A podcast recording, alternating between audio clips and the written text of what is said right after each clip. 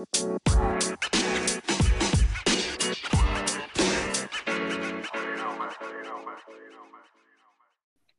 everyone and welcome back to our podcast. Um, jadi kenapa rekaman ini um, dibikin dua hari lebih cepat? Karena um, jadi Sabtu pagi itu udah semifinal klasiko, eh, eh semifinal klasiko sih, semifinal Liguilla Apertura Liga MX Femenil. Jadi semifinalnya ini menarik sih. Jadi keduanya itu klasiko semua. Yang pertama adalah klasiko nasional jadi itu antara Chivas lawan Amerika. Kemudian yang kedua tentu saja Klasiko Regio alias yang paling ditunggu oleh banyak orang yaitu um, Rayadas versus Tigres. Jadi leg pertama itu nanti um, Amerika menjabu Chivas dulu di Azteca. Kemudian demikian dengan Tigres, Tigres akan menjamu um, Rayadas di Universitario um, Klasiko ini menarik sih. Um, pada pertemuan sebelumnya yang di fase reguler itu kedua pertandingan ini berakhir dengan skor imbang dua sama. Nah, menurut kalian gimana sih Klasiko yang edisi kesekian ini? Mungkin dari Mas Ical dulu kali ya. Ya, Klasiko ya, Klasiko Regio Tigres Rayadas ya. Sebenarnya uh, apa ya? Bagus sih maksudnya dalam artian ini bakal bakal menentukan gitu. Dalam artian siapa sih yang yang lebih jago gitu antara dua pelatih ini ya? Karena yang gue lihat untuk uh, Liga MX Femenil baik dari Tigres maupun Rayadas sekarang tuh uh, punya dua pelatih yang cukup kompeten gitu.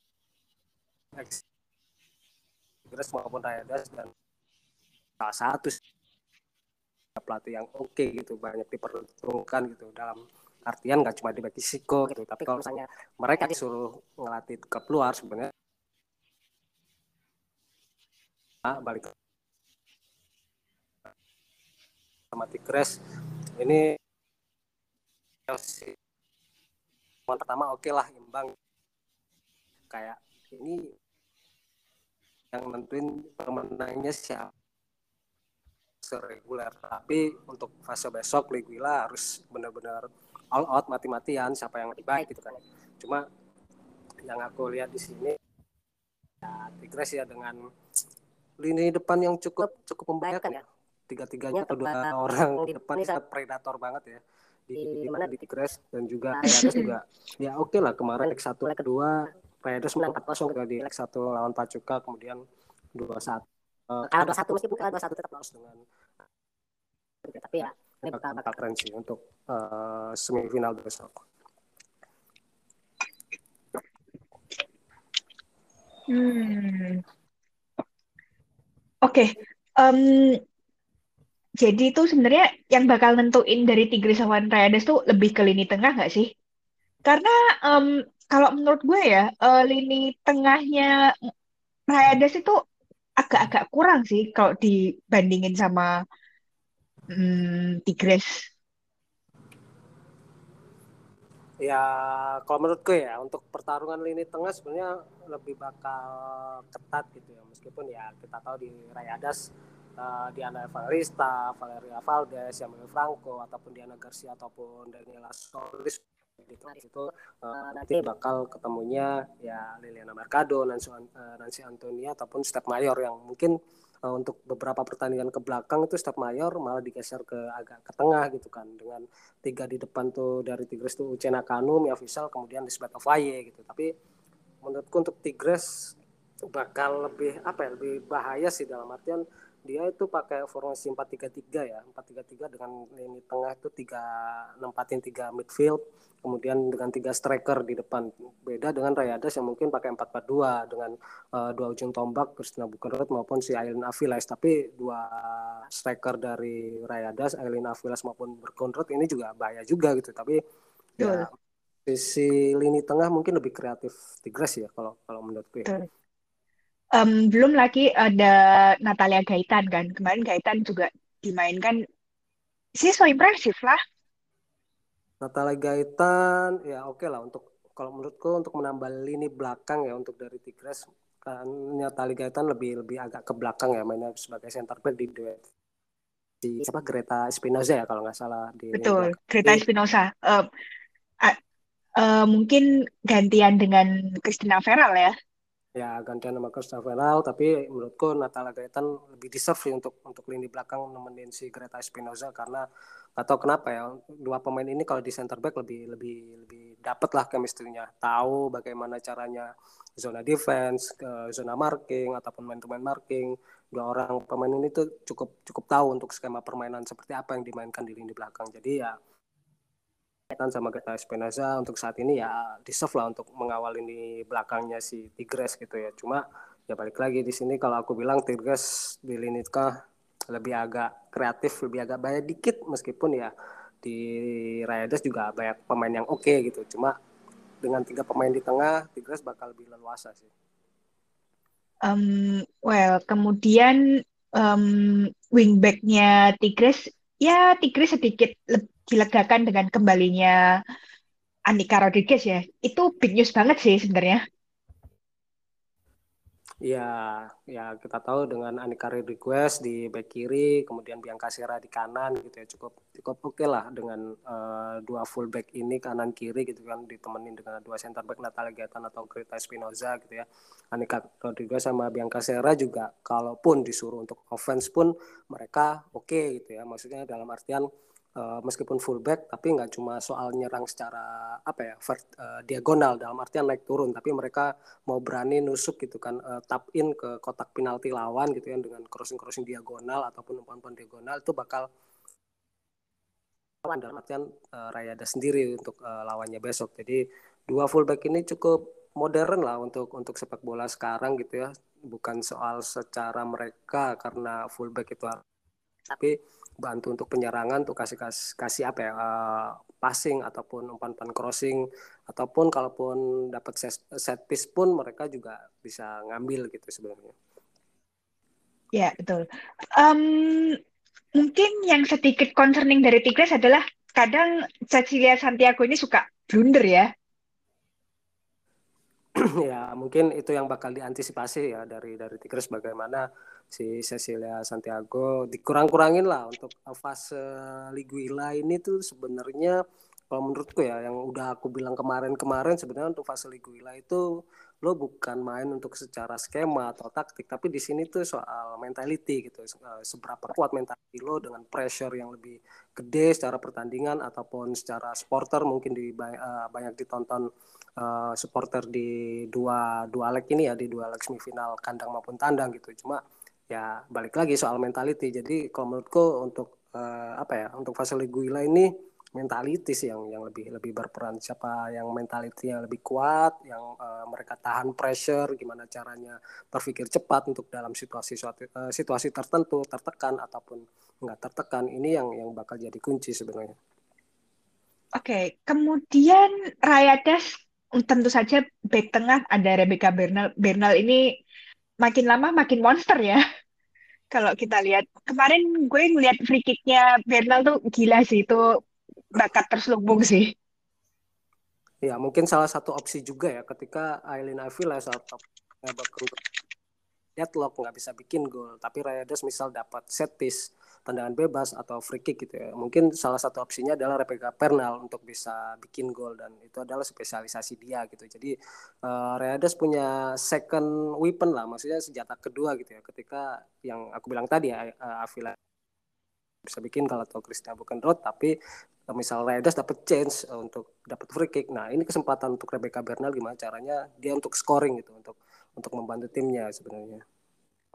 Asisi defense doang ya, tapi uh, offense untuk bikin gol pun jago gitu untuk seorang center. Jago, iya.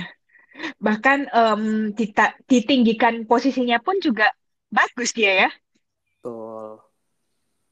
Kemudian tandemnya Bernal adalah Mariana Cadena ya. Cadena ini walaupun um, Isabella Echeverry masih absen pun um, Cadena ini ready sih Ya, ready. Jadi untuk saat ini uh, untuk uh, duet center back terbaik di Rayadas ya mau nggak mau uh, suka nggak suka Rebecca Bernal dan si Mariana Cadena. Cuma yang aku highlight adalah yang menarik adalah di sisi kiri gitu. Ketika biasa ada di sisi kiri ada si siapa Valeria Del Campo oleh Samantha uh, Samantha betul jadi Samantha mentalnya mampu membuktikan gitu ya se, uh, apa gimana apa uh, dia sebagai starting performnya kayak gimana bisa menggeser mungkin di beberapa pertandingan ke belakang bikin kesalahan atau koordinasi lini belakang yang salah-salah. Jadi uh, Raidas tahu oh ternyata sisi kiri kita di fullback kiri kita ada yang kurang nih makanya kita naikin sih samantasi mental dan performnya juga bagus sama. Kemudian kanan ya mungkin absennya Lisat Rodriguez bukan sih? Ya, Lisat Rodriguez. Lisat Rodriguez kemarin. Ya, karena kartu merah itu. Merah kan kemarin. Dia kan Mm -mm. Itu kayak kejadiannya si Eli Carpenter waktu lawan Juventus mirip banget tuh. Benar, benar. Ya maksudnya kesalahan yang harusnya tidak harus dilakukan, gitu. tapi ya namanya tensi pertandingan ya dalam sebuah laga. Dia udah nggak punya pilihan lain kan? yang ada pilihan lain. dan fase perempat final balik lagi ya yang aku bilang ini soal mentality gitu ya. Seberapa mental mereka kuat untuk menghadapi pressure. Nah sayangnya si Lisa Rodriguez kemarin terpancing dan ya dapat kartu merah karena mentalitinya mungkin mungkin belum belum belum sekuat uh, teman-temannya yang lain gitu sebenarnya. Tuh uh, mungkin Lisa Rodriguez absen yang bakal naik mungkin Alessandra Calderon ya? Bisa mungkin ya opsi opsi apa ya opsi terbesar ya mungkin Calderon sih yang bakal menempati bek kanannya untuk Rayadas dengan absen Mas kemarin send off kartu merah ya. Strike langsung ya, uh, lawan Pacuka ya. Betul ya um, ya well um, Valeria Del Campo juga emang lagi agak menurun ya selama apertura ini. Makanya kalau melihat Rayadas main jadi agak jarang lihat dia starting ya betul betul. Cuma yang aku lihat Rayadas Tigres nih seberapa tajam sih striker mereka gitu ya. Ketika Rayadas punya Aileen Avilas dan Christian Bukerot yang menurutku ya dua pemain ini tuh uh, saling melengkapi lah. Bukan striker. Sebenarnya bukan striker ya.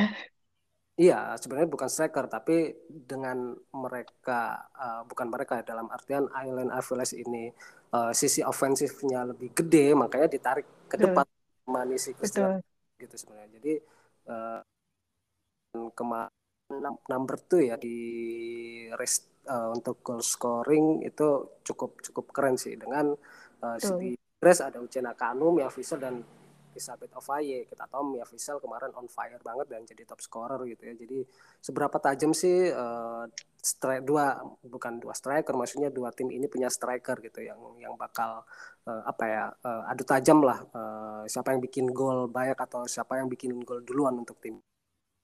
Betul um, untuk kiper Rayadas mungkin nggak usah ditanyain sih ya. Ya mau nggak mau ya. Tidak perlu. Betul, Alessandra Godines. Godines being Godines, um, kalau dia lagi on tuh gitu gila banget sih, tembok banget dia tuh. Betul. Dengan catatan teman-temannya um, bisa nge-backup gitu kan? Ya, ya kalau uh, perform bagus ya harusnya dengan dibarengi dengan uh, center back yang bagus, defense yang bagus, kita tahu bahwa betul. Uh, Mariana Kaden yang cukup solid ya di belakang ya. Iya betul. Bernal juga dengan transisi dari defense ke offense itu gokil sih. Itu sangat jarang dimiliki oleh back kanan, eh apa back tengah lain. Even um, gue rasa Wendy Renat juga nggak terlalu gitu amat ya. Nggak gitu amat dan bukan style Wendy Renat sih. Betul. Ya sebagai back tengah gitu. Ketika mereka, uh, dia Betul. defense, defense doang gitu.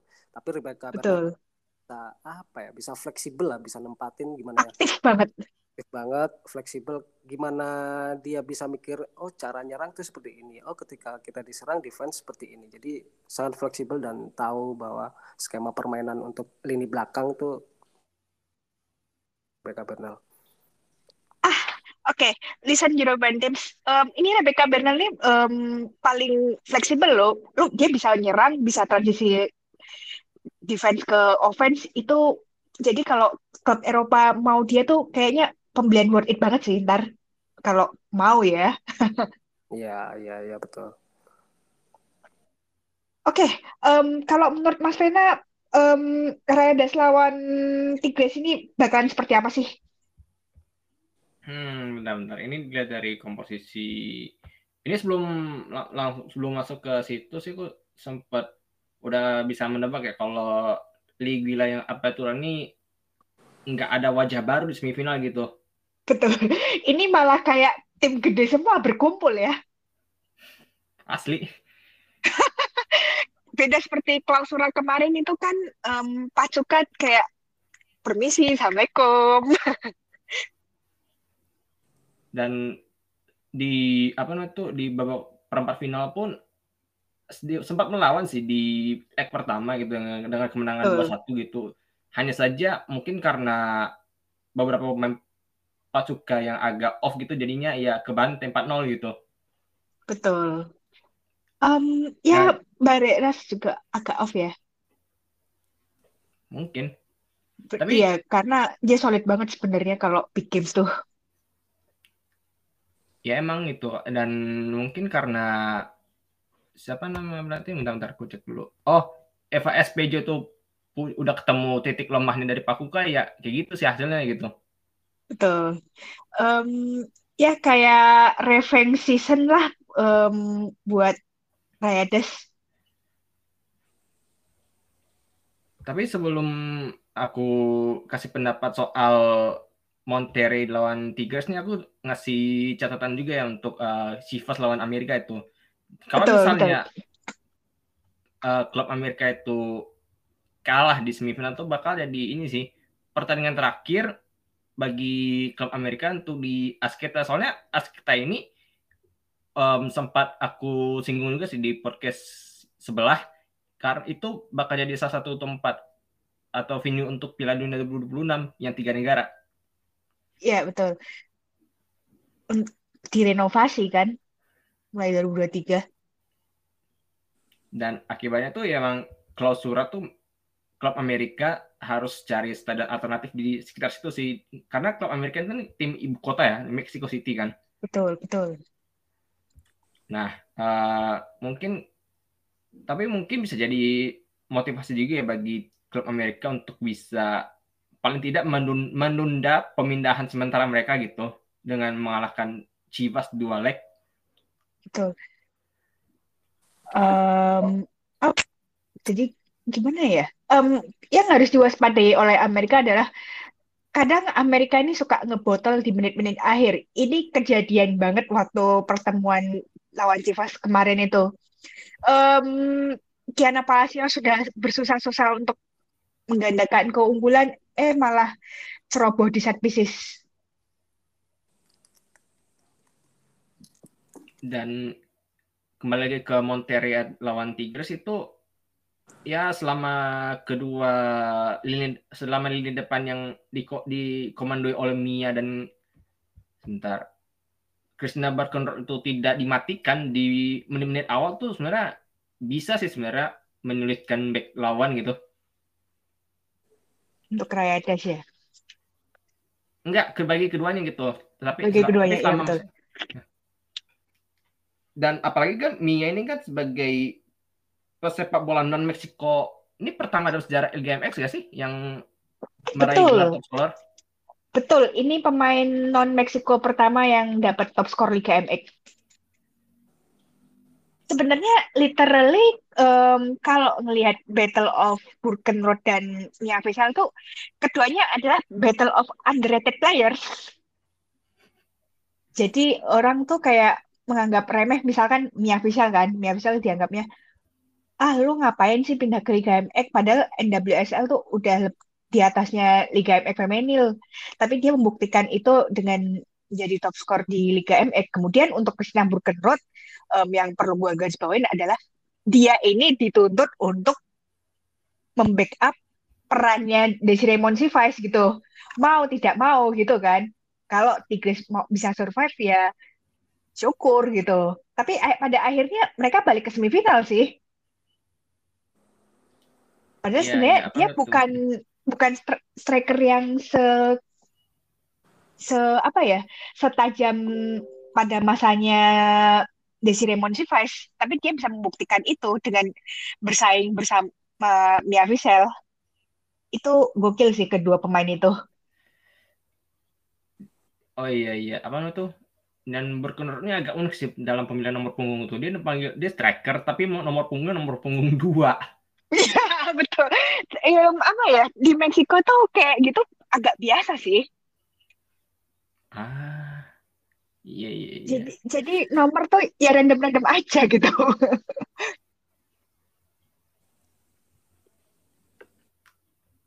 ya tapi emang bisa jadi ya battle of the apa ya sih kalau di istilah kita kayak perantau tetangga gitu ya Perang tapi perang tetangga. Ya, ini salah masa satu klasiko terbaik di Amerika Utara sih. tapi setidaknya tuh bisa menjadi ini sih gelitikan yang cukup ampuh sih bagi Vlatko untuk kalau bisa manggil kenapa Ya nggak sekalian gitu Em, kalau Burkenroad mungkin lebih ke Meksiko sih. Kalau Via Visual itu ya jelas masih radar USWNT tapi kayak nggak dianggap gitu. dan jangan lupa sama ini sih Uchenna Kanu yang anggaplah ini persiapan untuk ke Selandia Baru atau Australia gitu Betul. dan ya well, em, Ucena ini ya agak naik turun sih sejujurnya performa di Apertura. Tapi ya tetap stable-stable aja sih so far. Cuman ya mungkin karena banyak internasional brand jadi dia agak ketutup.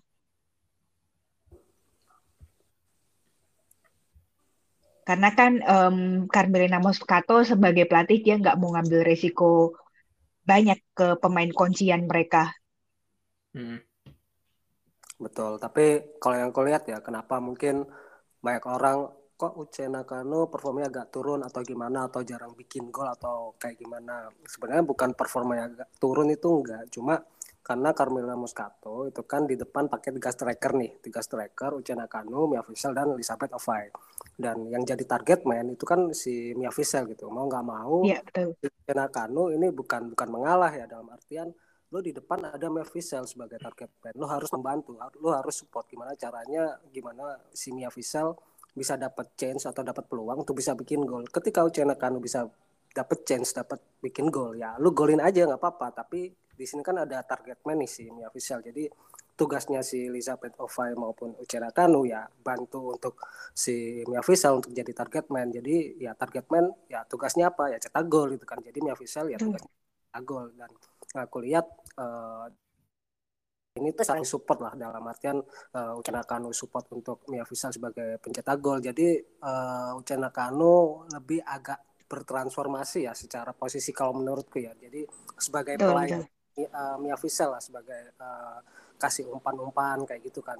Cuma ya kalau dia dapat chance untuk bisa bikin gol ya bikin gol aja gitu sebenarnya. Tapi ya bukan Hmm. karena performnya jelek atau menurun enggak, cuma ya beda posisi beda transformasi posisi aja sih. Karena kan Tigres pakai tiga striker dan yang jadi target man itu Mia Fisel kecuali eh, misalnya Tigres eh, masang dua striker atau satu striker dan strikernya di depan Uchena Kanu gitu kan. Dia bakal bikin gol. Cuma yang jadi apa namanya yang highlight di sini adalah si Mia kan jadi target man ya mau nggak mau bola itu harus dialirin ke Mia Fisel untuk bisa bikin gol bukan karena Mia Fisel performnya turun sih enggak ya menurut gue performnya bagus-bagus aja sih Oke. Em, kemudian Oke, kita oke, beralih. bentar, bentar, bentar, bentar, bentar, bentar, bentar. Eh, tambah sedikit ya. Eh, apa yang bilang Mas Rizal itu emang benar tuh. Uh, Uchina Kanu ini sebenarnya sih stabil gitu bisa dibilang salah dari segi penampilan musim ini. Cuma mungkin strateginya Carmelo Moscato ini menempatkan Kanu di sayap atau winger dan ya sudah itu mungkin kontribusi golnya itu tidak sebanyak Mia ya gitu ya. Itu tambahannya. yes Iya, ya setuju sih. Hmm, kemudian kita beralih ke klasiko nasional yang mainnya lebih dulu ya em, untuk eh, Sabtu pagi. Jadi eh, Amerika akan menjamu Chivas lebih dulu di Azteca dan kemungkinan ini terakhir sebelum direnovasi Azteca ini. Em, ya, kita tahu Amerika ini um, menurut rasanya gampang banget ya ngebotol. Ya, cuma Apalagi kasihan, big games. cuma agak kasihan di big games gitu ya. Cuma aku lihat gini, eh, Betul. dua tim ini Amerika maupun Chivas dua-duanya ini di fase perempat final di leg satu leg kedua ini kayaknya kurang kayak kurang greget gimana gitu. Ketika Amerika cuma kemudian cuma menang 1-0 di leg kedua kemudian Chivas cuma imbang satu-satu gitu ya di leg pertama dan menang cuma 1-0 doang di ya, kan perform kalian tuh seperti apa sih gitu. Di perempat final kok cuma gini doang bukan gini gede doang. sih sebenarnya maksudnya kurang greget aja gitu dibanding area ada Tigres itu ya di leg pertama maupun leg kedua tuh bisa hampir bisa apa ya bikin lebih dari dua gol gitu kan. Gitu kan sebenarnya lebih lebih oke okay lagi lebih mantap lagi. Amerika lawan Chivas nih kayak nggak tahu agak meragukan gimana gitu kan performnya ketika di perempat final cuma bikin satu gol dan itu pun agak kesusahan juga.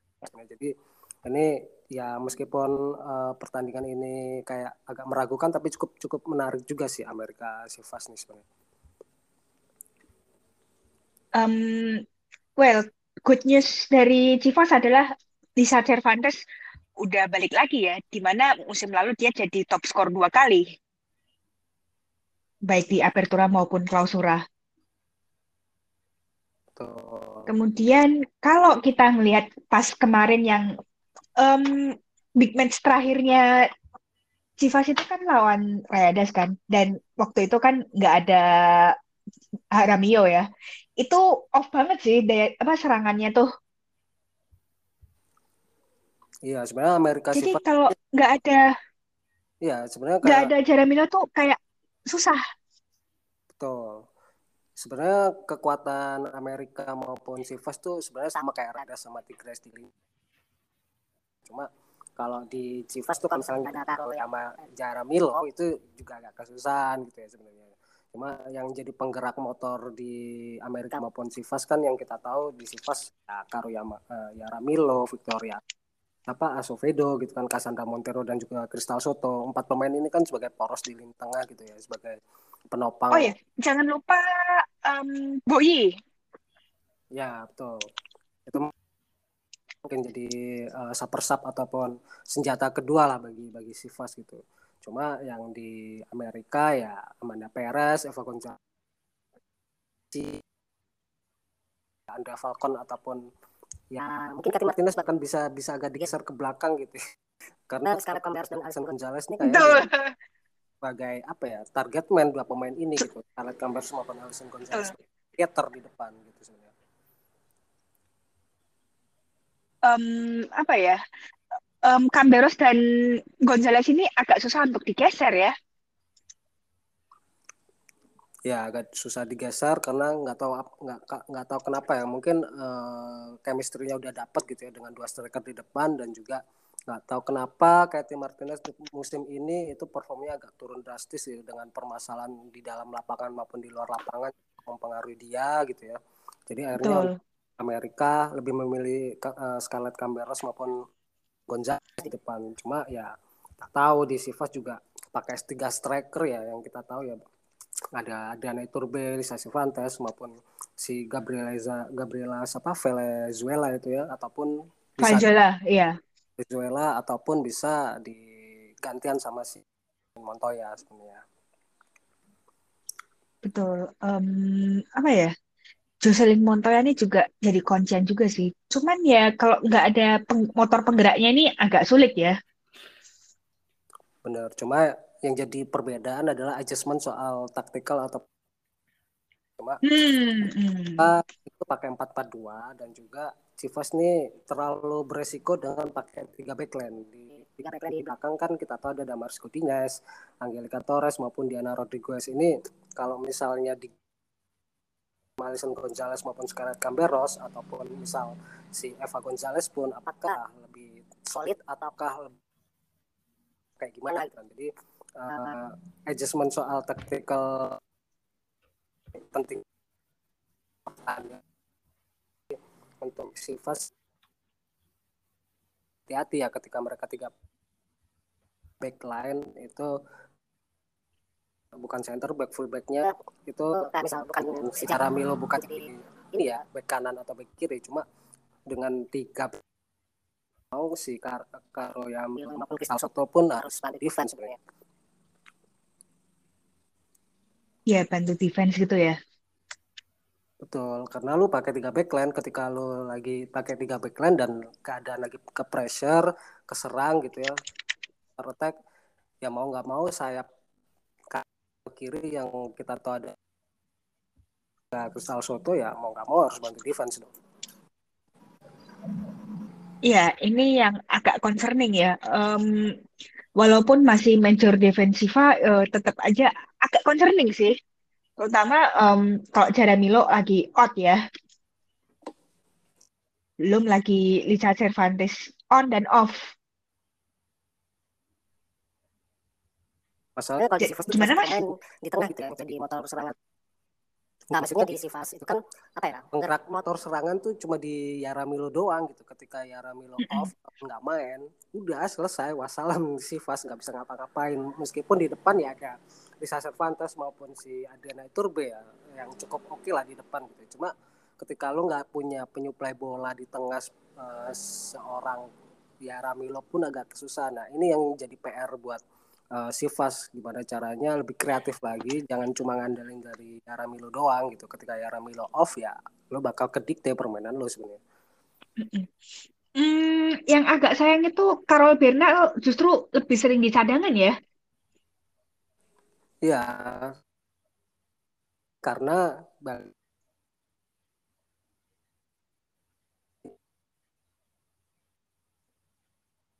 tiga backline. Ketika pakai empat backline Sivas bakal mainin uh, si Carvel tapi kalau misalnya pakai tiga backline ya mau nggak mau yang jadi pilihan ya Damaris Godinez Adriana Torres ataupun Diana Rodriguez sebagai di, di apa namanya tiga pemain belakang gitu.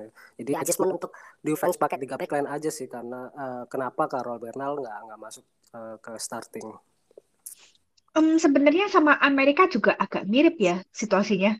Kadang-kadang um, mereka juga suka pakai tiga backline jadi Andrea Pereira terus habis itu Jose apa Jocelyn Orejel gitu. Ya, mungkin Kemudian Kim Rodriguez ya. Ya, untuk pertandingan awal-awal mungkin uh, adjustment pakai tiga backline ya, Andrea Pereira, Jocelyn Orejel maupun Kimberly Rodriguez. Tapi nggak tahu kenapa untuk tiga atau empat, pertandingan ke belakang kalau nggak salah yang aku lihat itu pakai empat backline dengan ditambah lagi sih Sabrina Encriso gitu kan. Encriso. Iya, Sabrina Sabrina Encriso itu sangat fleksibel sih gue lihat. Benar. Dia bisa jadi defensive midfielder, bisa jadi back sayap gitu. Dengan fleksibelnya si Sabrina Enciso, makanya sekarang uh, kayak Amerika pun mau nggak mau ya harus pakai empat backline lebih menutupi kebocoran di lini belakang aja dan kayak mm -hmm. ini Amerika kalau menurutku ya lebih lebih lebih solid sih dengan tambahan Sabrina Enciso masuk sebagai kuartet empat lini belakang di Amerika. Kemudian tuh um, kadang kan um, siapa? Uh, Jocelyn Orangel itu kan suka bocor kan? Kita tahu itu. Itu sudah bukan rahasia umum kan baik di timnas Meksiko maupun di Amerika. Makanya um, dengan kehadiran Sabrina Enciso ini bisa saling melengkapi gitu ya. Benar makanya kan Amerika kayak sadar kan oh ternyata pakai tiga backline masih ada bocornya nih di posisi Jocelyn Orangel makanya si Sabrina Enciso dimainin kan untuk melengkapi Betul. empat empat defense atau empat backline di defense-nya Amerika. Betul. Oh ya, kemudian untuk urusan rekrutan itu kalau Civas yang terbaik kan jelas Adriana itu Birde itu kan. Kemudian kalau di Amerika gue rasa lebih ke Aureli Kaci kali ya. Betul, betul, betul, betul. Itu kayak jackpot banget lini tengahnya Amerika itu. Ya, karena selama ini kan yang kita sering singgung tuh kan lini tengahnya Amerika kan. Kenapa lini tengahnya Amerika tuh gini-gini doang gitu. Tapi dengan masuknya Aureli Kaci itu bener-bener big things banget lah buat Amerika. Iya, dengan empat backline, kemudian empat pemain tengah gitu yang dengan ketambahan Aureli Kaci gitu kan lebih melengkapi puzzle sih di lini tengahnya si Amerika ketika Amanda Perez, Eva Gonzalez, kemudian jangan lupa ada, Falcon juga yang didatangkan dari Barcelona Betul. ya. Tentu saja. Cukup uh, membantu banget buat lini tengahnya Amerika ya dengan datangnya Aurel Kaci maupun ada Falcon jadi agak penggerak lah di lini tengahnya untuk mencuplai bola ke Alisson Gonzalez maupun uh, Scarlett Camberos di depan. Pada akhirnya kita bisa lihat Scarlett Camberos di pertandingan klasiko nasional ya. Pada akhirnya ya. Akhirnya banget ya.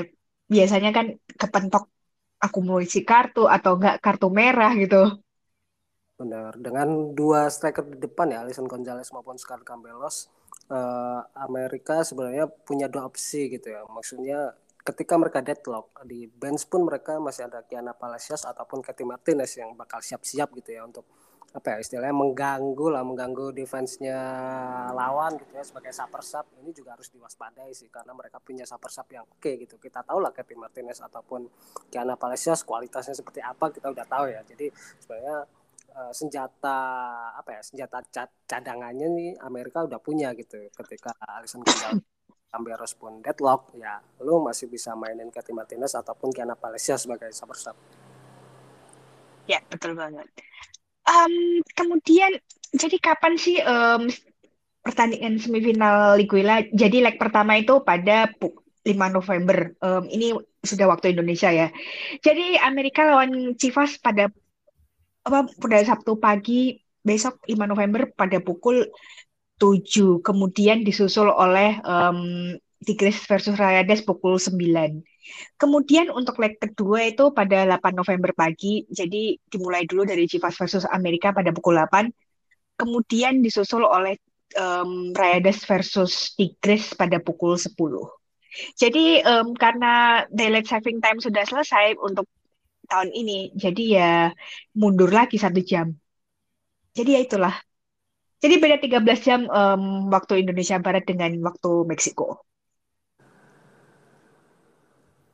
Um, jadi kira-kira menurut kalian yang bakal ke final siapa nih? Menurut Mas Vena gimana? Hmm. Um, kalau ke final berdasarkan apa yang disampaikan barusan,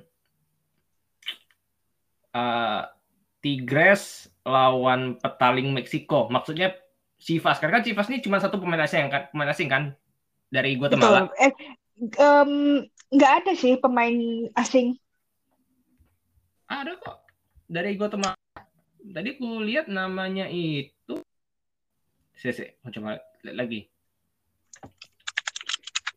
Lesil Ramirez.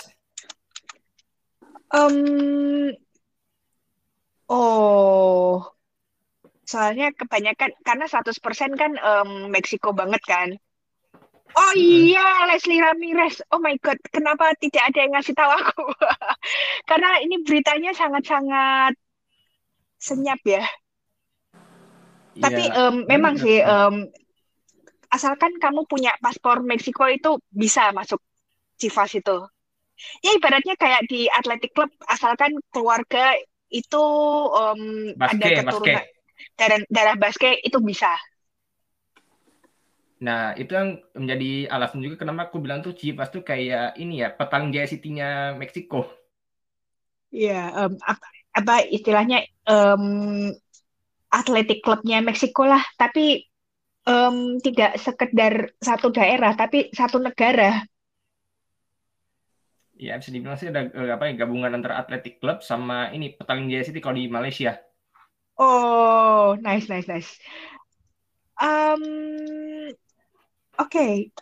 kemudian Chivas mungkin lawan maksud Mas Vena Tigres gitu. Ya kalau misalnya Chivasnya enggak aneh-aneh ya di menit-menit akhir atau menit-menit akhir leg pertama atau awal menit awal leg kedua gitu. Betul. Um, ini sih yang jadi sebenarnya keduanya baik um, Amerika maupun Chivas itu concerning. Um, kalau Amerika tuh ngebotolnya di menit-menit akhir itu kejadian tuh. Dan apa tuh? Aku tuh baru tahu ya kalau di klub Amerika dua pemain dari negara tetangga itu Amerika Serikat yakni Sabrina Enciso sama Mayra Pelayo Bernal. Betul, itu memang lahir di Amerika memang.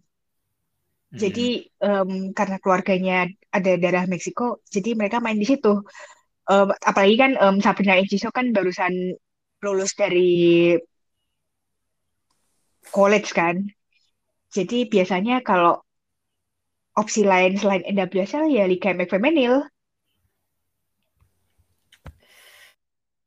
Tapi jujur aja sih yang paling dinanti itu klub Amerika di klausura sih gimana uh, bisa nggak maksudnya tetap konsisten nggak dengan performa sekarang meskipun harus pindah sementara dari Asketa? Azteca, um, well itu tergantung lagi ya sama taktiknya Villa Gamba. Kadang uh, musim pertama oke, okay, tapi musim ke musim kedua nanti, nah itu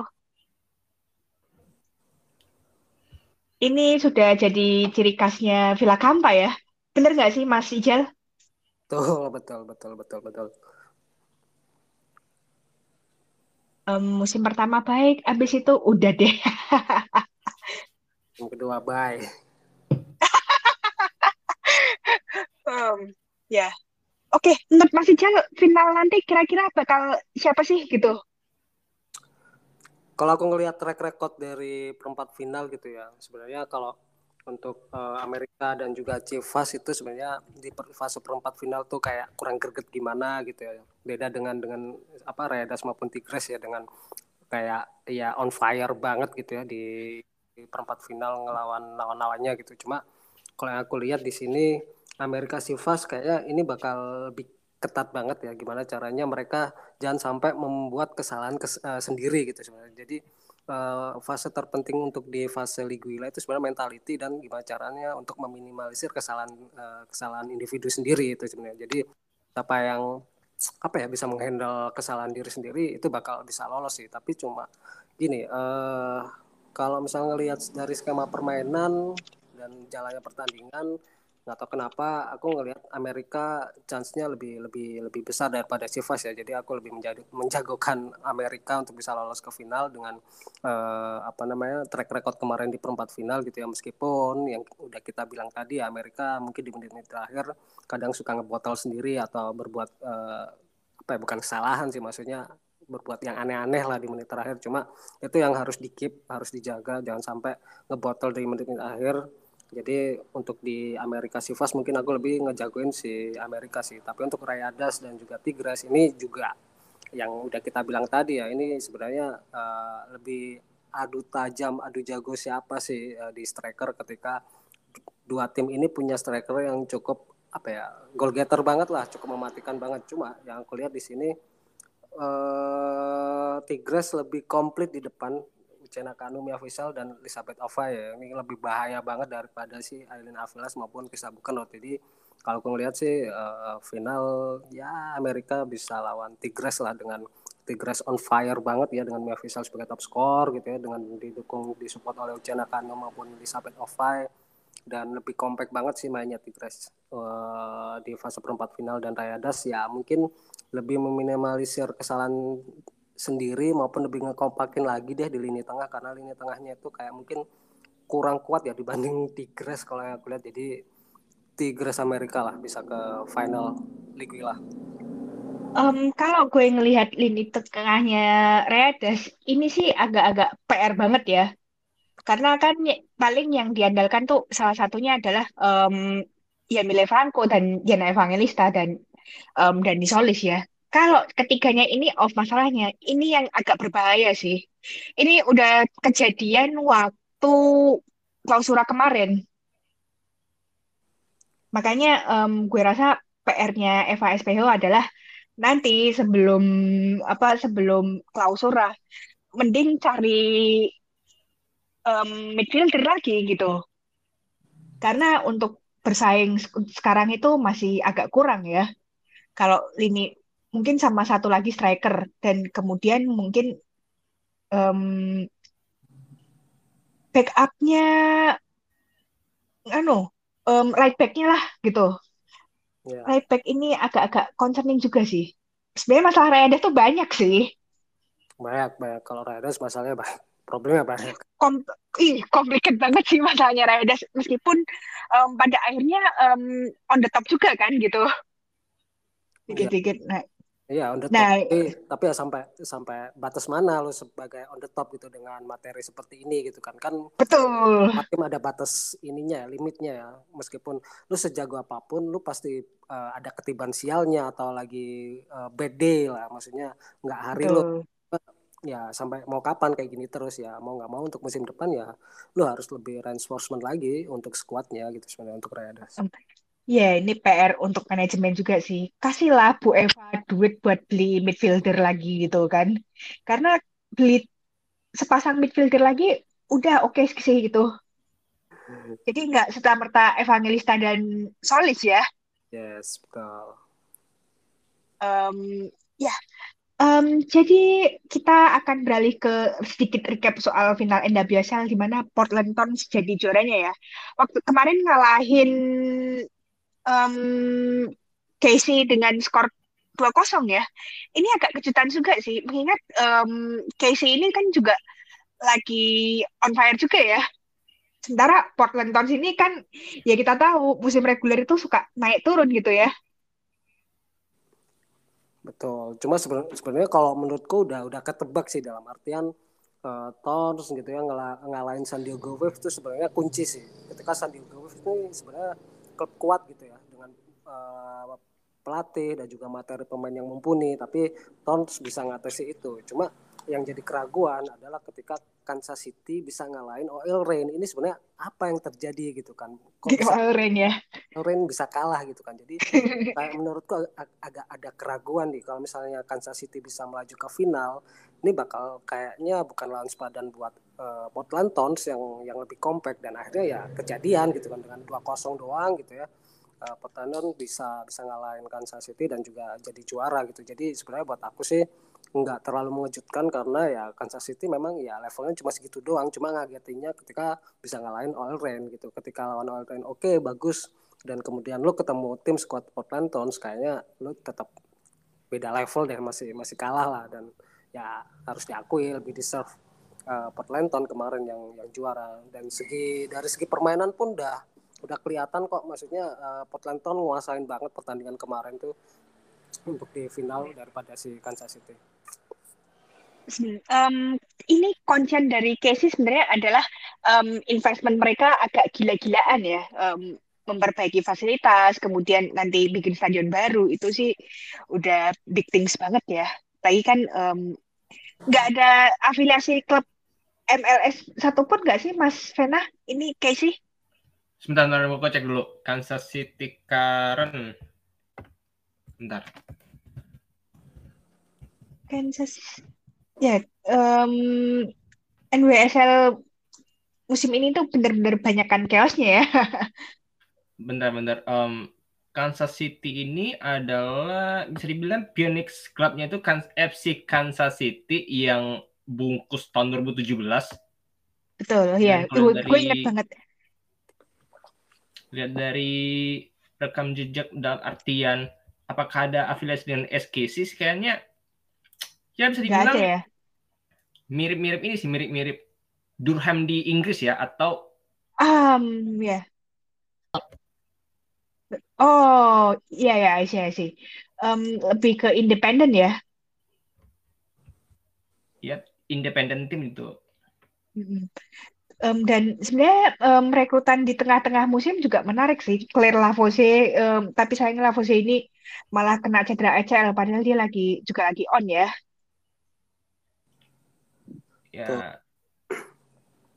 Cuma yang serem sih uh, kalau cedera itu.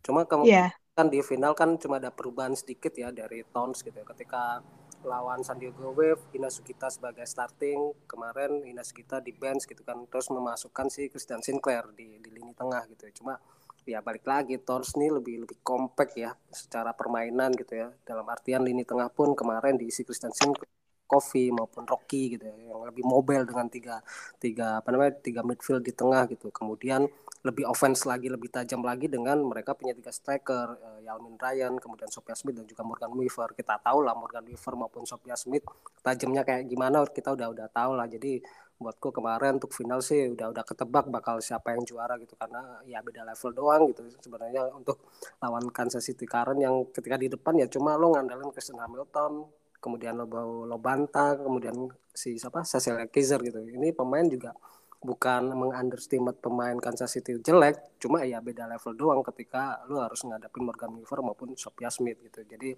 kemarin cuma ada satu perubahan si Christian Sinclair masuk gitu ya sebagai starting untuk uh, ngegantiin si Hina Sugita.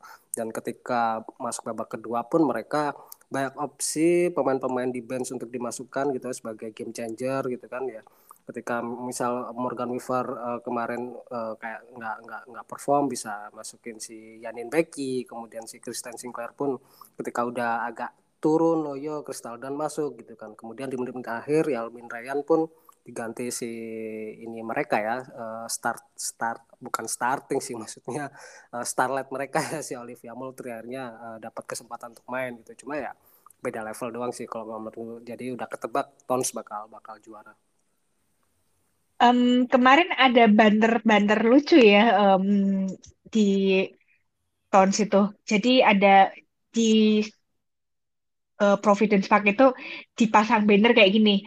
All I can say is going to court was worth it to play here. Anjir.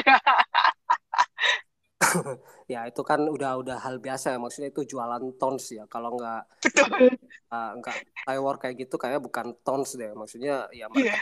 bukan klub NWSL banget gitu loh. Karena hampir sebagian besar klub NWSL suka ngebanter kocak sih. Jangankan di stadion gitu kan di media sosial pun mereka ya kalau ngebanter juga agak lumayan gitu maksudnya iya. yeah. agak nyerempet nyerempet gimana gitu kan. Tapi itu kan sebuah jualannya NWSL ya sebagai apa ya menurutku liga yang paling drama lah liga cewek paling drama di sedunia. Jadi kalau nggak ngejual dari sisi permainan ya lu jualan drama cukup cukup bisa ngangkat exposure liga cewek Amerika sebenarnya. Iya betul. Kas Amerika banget sih. Oh. gitu. Ah Kemudian um, ya uh, ngomongin seri A feminin setelah dikerucutkan jadi 10 tim itu rasanya malah menarik ya.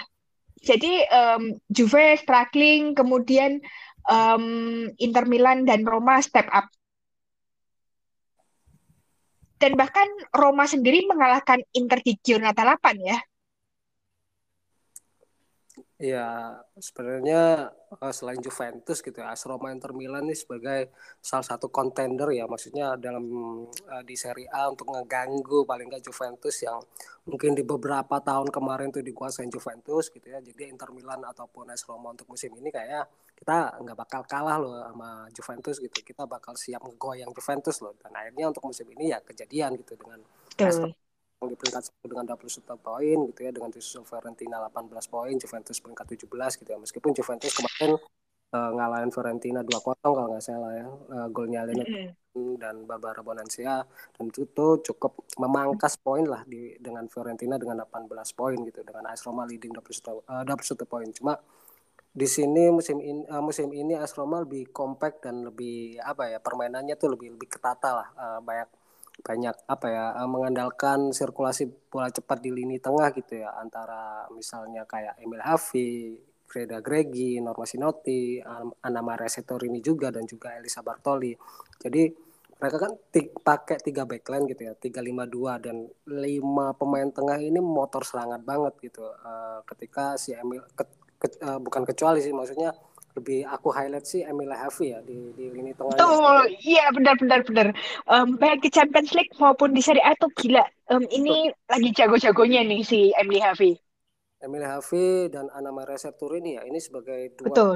yang poros banget lah buat AS Roma untuk musim ini ya uh, sebagai istilahnya ngegendong banget lah untuk AS Roma. Betul. Karena di depan mereka punya Valentina Gesinti dan juga Andres Alves yang yang ya cukup cukup tajam uh, untuk musim ini penggerak motor serangan ya lini tengah lah untuk AS Roma sebagai kekuatan gitu ya dengan uh, tiga backline. Tapi mereka nggak cukup kesulitan dengan tiga backline karena mereka di lini tengahnya cukup cukup compact. Cuma yang dilawan ya Inter Milan gitu ya dengan formasi 4-3-3 cuma ngandalin Flaminia Simonetti dan juga Iren Santi pun mereka masih cukup kesusahan gitu ya dengan lima pemain tengahnya AS Roma yang dimotor oleh Emile Avi meskipun di lini depan pun mereka ya di Inter Milan ya ada kira-kira Marinelli dan juga Anja Rajot ya dan juga Mara mm. Pandini, Pandini kalau nggak salah meskipun Marta Pandini Marta Pandini ya dengan tiga striker pun mereka masih ada kesulitan untuk lawan Roma yang cukup kompak di tengah sih.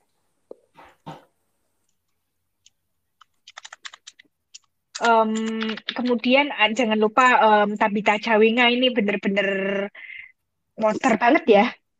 Betul, tapi untuk kemarin kenapa Tabita Tabita Cawinga nggak main gitu apakah entah itu cedera atau kenapa gitu ya? Akhirnya nggak tahu kenapa di bench pun mereka nggak ada gitu. Cuma yang aku sayangkan ketika lo punya pemain sekelas Gotia Carconi kenapa lo nggak main sebagai starting? Lebih memilih Henrita Caesar gitu. Jadi gue kayak kayak aku sendiri gitu ya sebagai pelatih Inter Milan ya lebih mainin Gotia Carconi lah di tengah daripada Caesar gitu. Tapi kemarin um. 46 kalau nggak salah. Iren Santi pun akhirnya ditarik keluar dan juga masukin si Gotia Car uh, Carconi gitu ya untuk lebih offense lagi. Dan itu pun masih belum cukup membantu Inter Milan buat ngalahin AS Roma. Jadi kemarin tuh sebenarnya kesalahannya Inter Milan tuh kenapa lo nggak starting Gotia Carconi ketika lo di big games gitu ya butuh pemain yang bisa ngangkat level tapi lo taruh di bench dan pada akhirnya lo mainin juga gitu di babak kedua. Tapi ya balik lagi AS Roma di lini tengahnya cukup kompak cukup kuat dan ya menang dengan 2-1 ya dengan gol Ana Maria Setorini dan juga gol Owen golnya si eh bukan sorry bukan Owen gol uh, satu golnya Emile Havi ya kemarin ya Iya Emile Havi iya um, oke okay. um, jadi sebenarnya um, belum lagi Inter Milan ada Elisa Poli ya. Elisa Poli ini belakangan kan juga lagi on fire nih. ya, Elisa Poli dengan uh, apa ya? Cukup muda ya. Dia dengan umur 22 tahun. 2 tahun ini mungkin sebagai aset lah buat Inter Milan maupun timnas Italia sendiri gitu ya. Betul. ya. Poli. Mungkin gantian di depan dengan uh, Gloria Marinelli atau Anjara Chot atau Marta Pandini di depan ketika Betul. tiga pemain ini deadlock ya lu masih punya tapi Elisa Poli. Cawinga dan Poli. Poli betul. Um, ini duet berbahaya juga sih waktu mereka di starting. Ini kuncinya waktu derby Jala Madonina kemarin. Betul cuma kemarin ya Inter Milan cukup struggling ya ketika uh, AS Roma nempatin lima pemain berkarakter di tengah gitu ya. Meskipun Inter Milan lo punya Stefani van der Graag dan juga anak Christian Todir pun masih belum cukup bisa ngebendung Emile Havi maupun Ana Maria Sertorini ataupun Greda Gregi gitu yang lebih lebih lebih apa ya lebih kreatif lah makanya kemudian ada Son Stefan juga ya ya Anja Stone uh, Son Stefan juga itu pun juga belum cukup membantu untuk kemarin melawan AS Roma. Jadi masih agak kewalahan lah uh, um, Iya, kalau melihat um, Van de Graac dan Stone Sheffield ini memang belakangan juga agak struggling ya, terutama di timnas mereka masing-masing ya. Makanya kadang um, ada yang bilang tuh kok tiba-tiba uh, ngerekrut Van de Graac sih? gitu. Nggak ada angin nggak ada hujan gitu.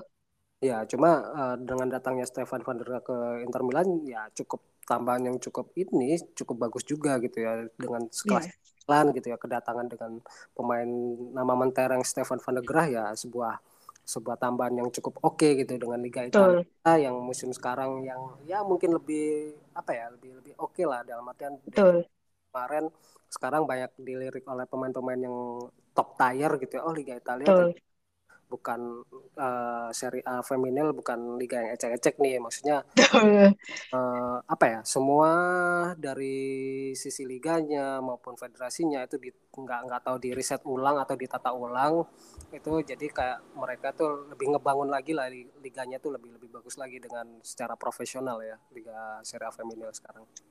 Betul. Apalagi dengan pro, lebih profesional sekarang liganya. Um, kemudian jangan lupa juga um, siar seri A feminil ini udah dijual ke berbagai negara termasuk di Indonesia. Kalau di Indonesia kita bisa nonton di Mola TV um, setiap minggunya. Um, ya, yeah, oke. Okay, uh, gue mau nanya ke Mas Vena, Sassuolo tuh ada apa sih? Memang sih um, kita tahu um, Sassuolo ini meskipun struggling bahkan mereka bisa berhasil menahan imbang Juventus ya. Ini agak kejutan banget, tapi pada akhirnya mereka benar-benar struggling banget sampai berada di dasar klasmen. Ada apa ya? Oke, sebelum ke Sassuolo aku uh, mau ngucapin turut uh, prihatin dengan Milan yang terakhir dikalahkan Pomigliano dengan skor 2-1 agak aneh. Satu ya benar aneh, yang kedua uh, harap bersabar aja sih kalau misalnya Milan mau nembus Eropa ya. Apalagi hmm. dengan pelatih yang satu tipe dengan yang di Manchester. Dua Manchester ya. ya tapi yang uh, yang warna serupa agak apa ya agak pak ya, ya, ya. Um, apa ya? Mereka berdua tuh nggak ada taktik dan cuma vibe saja. Padahal. Tapi sih. Padahal di di Milan ini cukup komplit ya. Dalam artian pengalamannya ada di berbagai negara. Abis itu skuadnya cukup mumpuni. Tapi kekalahan di Pomigliano ini suatu apa ya? Suatu hal yang bisa dibilang sedikit lebih baik daripada Sassuolo yang sampai saat ini belum meraih kemenangan dengan hanya meraih dua poin dalam artian dua kali imbang lima kali kekalahan. Ke lima gol dan kebobolan 12 gol. Itu hmm. Sassuolo ini bisa dibilang entah dari mungkin skuad atau mungkin taktikalnya cenderung mudah terbaca mungkin ya Padahal kalau misalnya dilihat dari squad yang sekarang ini yang nggak terlalu dalam artian ini nggak buruk-buruk amat loh. Padahal ada yeah. Lana Clayland, abis itu Refloy Jen, belum lagi ada F. Davina Pilchen. Itu ya satu belum lagi ada F Dokia Popadinova. Sebenarnya sih untuk bertahan pun sebenarnya bisa aja sih kalau misalnya Sassuolo ini segera berbenah di, di Januari ya. Apalagi kompetitornya tuh makin hari makin kuat gitu. Um, apa ya? Jadi Sassuolo tuh ngelepas beberapa pemain terbaik sih jujur aja. Termasuk salah satunya adalah um, Dideleme, kiper utamanya mereka. Ke? Uh, ke Fortuna Sitat. Fortuna Sitat Eredivisie ya? Iya, betul. Yang baru banget di Eredivisie gitu.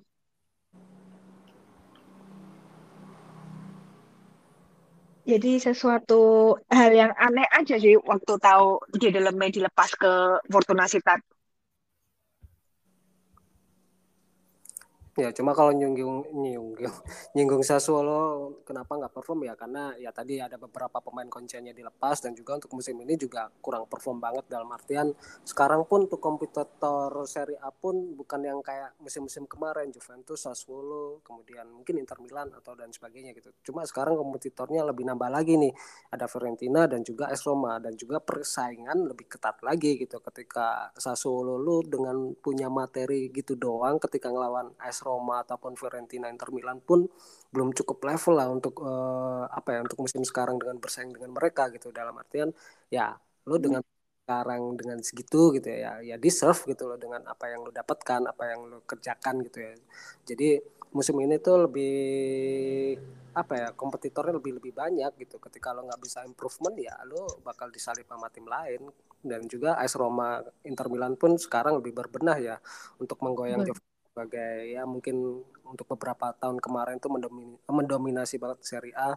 Akhirnya mereka sadar ya Inter Milan dan AS Roma lebih reinforcement lah untuk musim ini dan Sassuolo kalau lo cuma gitu-gitu doang ya lo bakal ketinggalan ataupun mungkin uh, bisa ya peringkat akhir juga bisa aja gitu sebenarnya. Dan, hmm.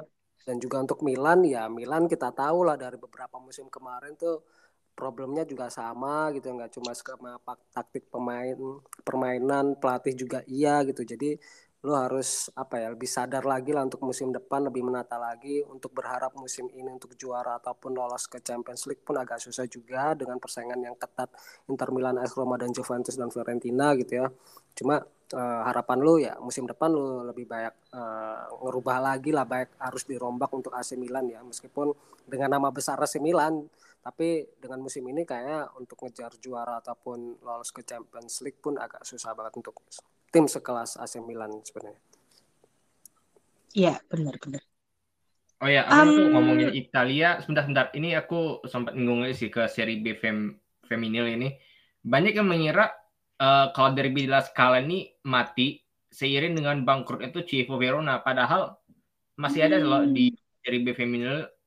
Soalnya Hellas Verona aja emang salah satu tim yang terdegradasi dari seri A gitu bareng Lazio sama Napoli. Napoli yang beda manajemen bukan Napoli yang satunya. Bukan, nah, bukan. Beda-beda. Ya itu. Dari bila skala ini bisa dibilang tuh apa ya yang di seri B feminil ini sebagai salah satu obat pelepas rindu bagi para penggemar atau pendukungnya Civo Verona yang tim lakinya tuh bangkrut oleh hukum gitu dan memang menjadi alternatif juga sih sebenarnya. Dan Betul. juga kalau kita balik ke Serie A itu musim ini tuh emang cuman Parma yang apa namanya tuh berbagi stadion dengan tim mainstreamnya tuh di Enotar Eniotar ini sekaligus hmm. jadi venue Super Copa. Oh, venue Super Copa untuk awal tahun depan ya? Hmm. Eh, 5 November lah, besok dong. Eh, lusa dong. Um, lusa. Wow. Um, karena um, dikiranya besok udah internasional break aja nih di Italia tuh. Karena apa oh. ya? Uh, cepet banget ya. Everything is so fast. Um, belum ada kabar sih. Karena kemarin kan ada Coppa Italia kan. Um, putaran pertama. Jadi ya habis Coppa Italia pertengahan pekan ini in, udah internasional break di Italia udahan. Itu sih. Tapi ternyata emang ada sih tanggal 5 berat atau lusa sampai rekaman ini dibuat. Oh, oh, oh, om, om, om, om. Oh iya Super Cup Woman itu ya. Mm. Oh iya iya iya iya. Oh my god. Why I just missed that. Um ya, yeah, um jadi kick off-nya itu pada hari Sabtu pukul 20.30 waktu Indonesia Barat ya. Um, cuman ini listing TV-nya belum ada sih, gue lihat. Dan mainnya itu sudah dunia ini Parma Calcio itu Eno Tardini. Hmm, Eno Tardini. Iya, Eno Tardini ya. Um, cuman belum ada kok gak ada gambar-gembor ah, siar ya. Eh, tapi seharusnya Ya, ada, benar, benar, benar. Um, jadi ada di Mola TV juga nih Super Copa Feminil antara Juventus versus Roma. Um, jadi ini adalah um, sebenarnya sih uh, juara Ita, juara Coppa Italia atau uh, versus juara Serie A Italia ya. Cuman karena Juve dapat gelar ke keduanya ini, jadi ya Roma karena Roma kan finish second kan, gitu sih. Um, jadi kick off-nya 5 November pukul 20.30 waktu Indonesia Barat. Jadi hanya di Mola TV atau enggak kalau enggak punya Mola TV bisa aja di La Seven biasanya yang nyiarin tuh. Simple. Gitu. Untung Mas Vena ngingetin ada Super Copa. Jadi kalau enggak gue out of the touch banget nih. ya, kenapa out of the touch? Karena um, Oke, okay, um, Senin dini hari nanti bakalan ada dua pertandingan gede. Jadi dimulai dulu dari Real Madrid versus Barcelona aka El Clasico di Said. Um, sama kemudian um, pukul 1.45 itu ada, waktu Indonesia Barat ada Manchester United versus Chelsea. Kalau Real Madrid versus Barcelona sendiri um, kick off-nya pada pukul 12 malam. Gitu. Oh ya, menurut kalian Real Madrid versus Barcelona bakalan seperti apa nih? Dari Mas dulu lah. Mulai. Aku, aku Ya, dulu. betul. Let's go. Real Madrid Barcelona menurutku untuk di sisi woman ya untuk dibilang El Clasico pun enggak gitu cuma ya kita tahu lah Real Madrid juga baru kemarin lahir gitu kan dua tiga tahun Mm-mm. untuk dibilang El Clasico pun menurutku ya menurutku itu No way. di no way ya belum belum belum cukup eh, ketika dibanding dengan mens gitu yang dengan hype atau exposure-nya lebih tinggi gitu. Cuma eh, untuk musim ini gimana caranya Real Madrid itu apa ya paling nggak nyulitin Barcelona lah ya dengan materi yang cukup superior gitu ya. Eh, Barcelona yang kita tahu dengan untouchable untouchable gitu ya di Liga Spanyol. Mes- meskipun di musim ini agak-agak kesandung-kesandung gimana gitu. Cuma untuk lawan Real Madrid pun ya meskipun Real Madrid sekarang reinforcement ataupun apa ya eh, development timnya tuh lebih bagus ya. Untuk dua tahun ke belakang mereka lebih menempatkan pemain-pemain berpengalaman eh, terus kemudian perekrutan perekrutan pemainnya juga cukup cukup cerdik dan cukup pas dengan posisi yang dibutuhin gitu ya. Cuma untuk pertandingan besok menurutku masih masih beda level sih. Barcelona bakal lebih lebih lebih lebih leading lebih unggul daripada Real Madrid. Meskipun Real Madrid di Champions League juga oke lah performanya juga oke gitu. Cuma untuk eh, di Liga Spanyol sendiri untuk menurutku Barcelona masih masih lebih unggul gitu. Jadi ya untuk pertandingan besok untuk dibilang El Clasico juga enggak karena rivalitasnya ya masih masih belum panjang ya. Belum belum ada sejarah yang gimana gimana antara Real Madrid dan juga Barcelona gitu ya di Women's cuma ya menurutku Barcelona lebih lebih unggul sih lebih leading segalanya sih Ya, em, mungkin Real Madrid bakalan gimana caranya untuk em, mendekatkan gap mereka dengan Barcelona, apalagi mereka juga signing Caroline Weir ya, Oh. yang musim ini em, adjustment-nya tuh jos banget sih. Em, kemudian menurut Mas Vena gimana sih tentang so-called El Clasico ini? Eh, apa ya? Kan saat ini kan kalau dari klasmen ke Real Madrid yang sebelum bernama Takon itu berjarak 5 poin dari Barcelona. Tapi jangan lupa mereka punya satu pertandingan tunda lawan Tenerife yang ditunda akibat cuaca. Ya, bener. Ini cuaca bu- cuaca buruk yang kemarin itu ya. Mm-mm. Dan lagian ya seperti yang bilang Mas Ija juga Real Madrid yang feminin kan baru saja ya bukan baru saja tahun 2020 bulan Juli itu merampungkan proses Akhir. akuisisinya cerita kon kan yang aku tuh sempat bikin triknya juga Se- bahkan sebelum Real Madrid itu ngebentuk dalam artian mengakuisisi tim lain gitu ya itu Hmm. banyak yang mengira kalau El Clasico-nya itu Barcelona lawan Madrid CF padahal Mm-mm. beda gitu beda konteks Beda jauh. Iya iya.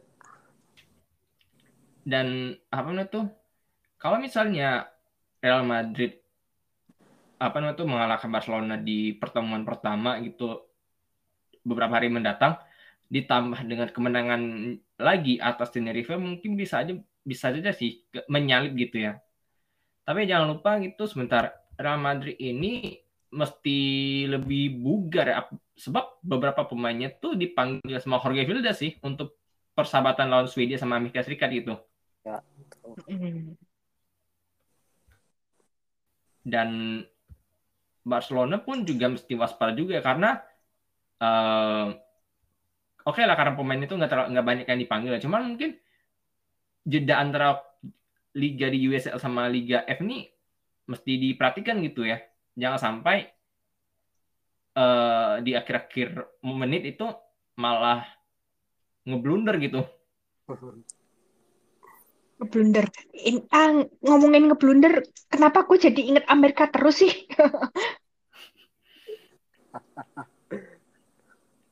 Ya apalagi kayak klasiko nasional kemarin itu kan ngebotol paling parah sedunia itu. Udah unggul 2-0, eh tiba-tiba, aduh baiklah. bye Tapi kalau di liga sih liga F ya, eh, selain keduanya itu jangan lupa Real Sociedad yang masih unbeaten itu. Real Sociedad itu di peringkat kelima dengan komposisi tiga imbang tiga menang itu. Wow, em, meskipun sempat kesulitan untuk mendapat tiga poin penuh ya. Nah, di beberapa pertandingan Betul. walaupun memang masih uh, anggaplah ke enam gitu ya baru ronde ke enam ini kelar ditambah dengan yang baru pertama dengan jadwal baru. Betul, yang jadwal baru. Ya, uh, mungkin um, penundaan Liga F ini juga mengganggu beberapa tim ya, termasuk mungkin yang kena efek itu Real Sociedad ya. Iya emang sih udah kalah dari Bayern um, habis itu. Iya, um, habis itu um, kualifikasi Champions League lawan Bayern pula. Itu sih. Tapi, tapi kalau misalnya di kalau misalnya ada pertanyaan siapa sih tim promosi yang yang sejauh ini lebih ini jawabannya Levandelas Planner sih. Karena hmm. apa namanya itu yang direkrut uh, oleh Levandelas Planners ini cukup bisa dibilang cukup oke okay juga ya kalau misalnya dari segi pengalaman dan ya yang paling diperhatikan itu Doris Bacic sih. Ya walaupun di pertandingan itu agak anyep ya. Ya.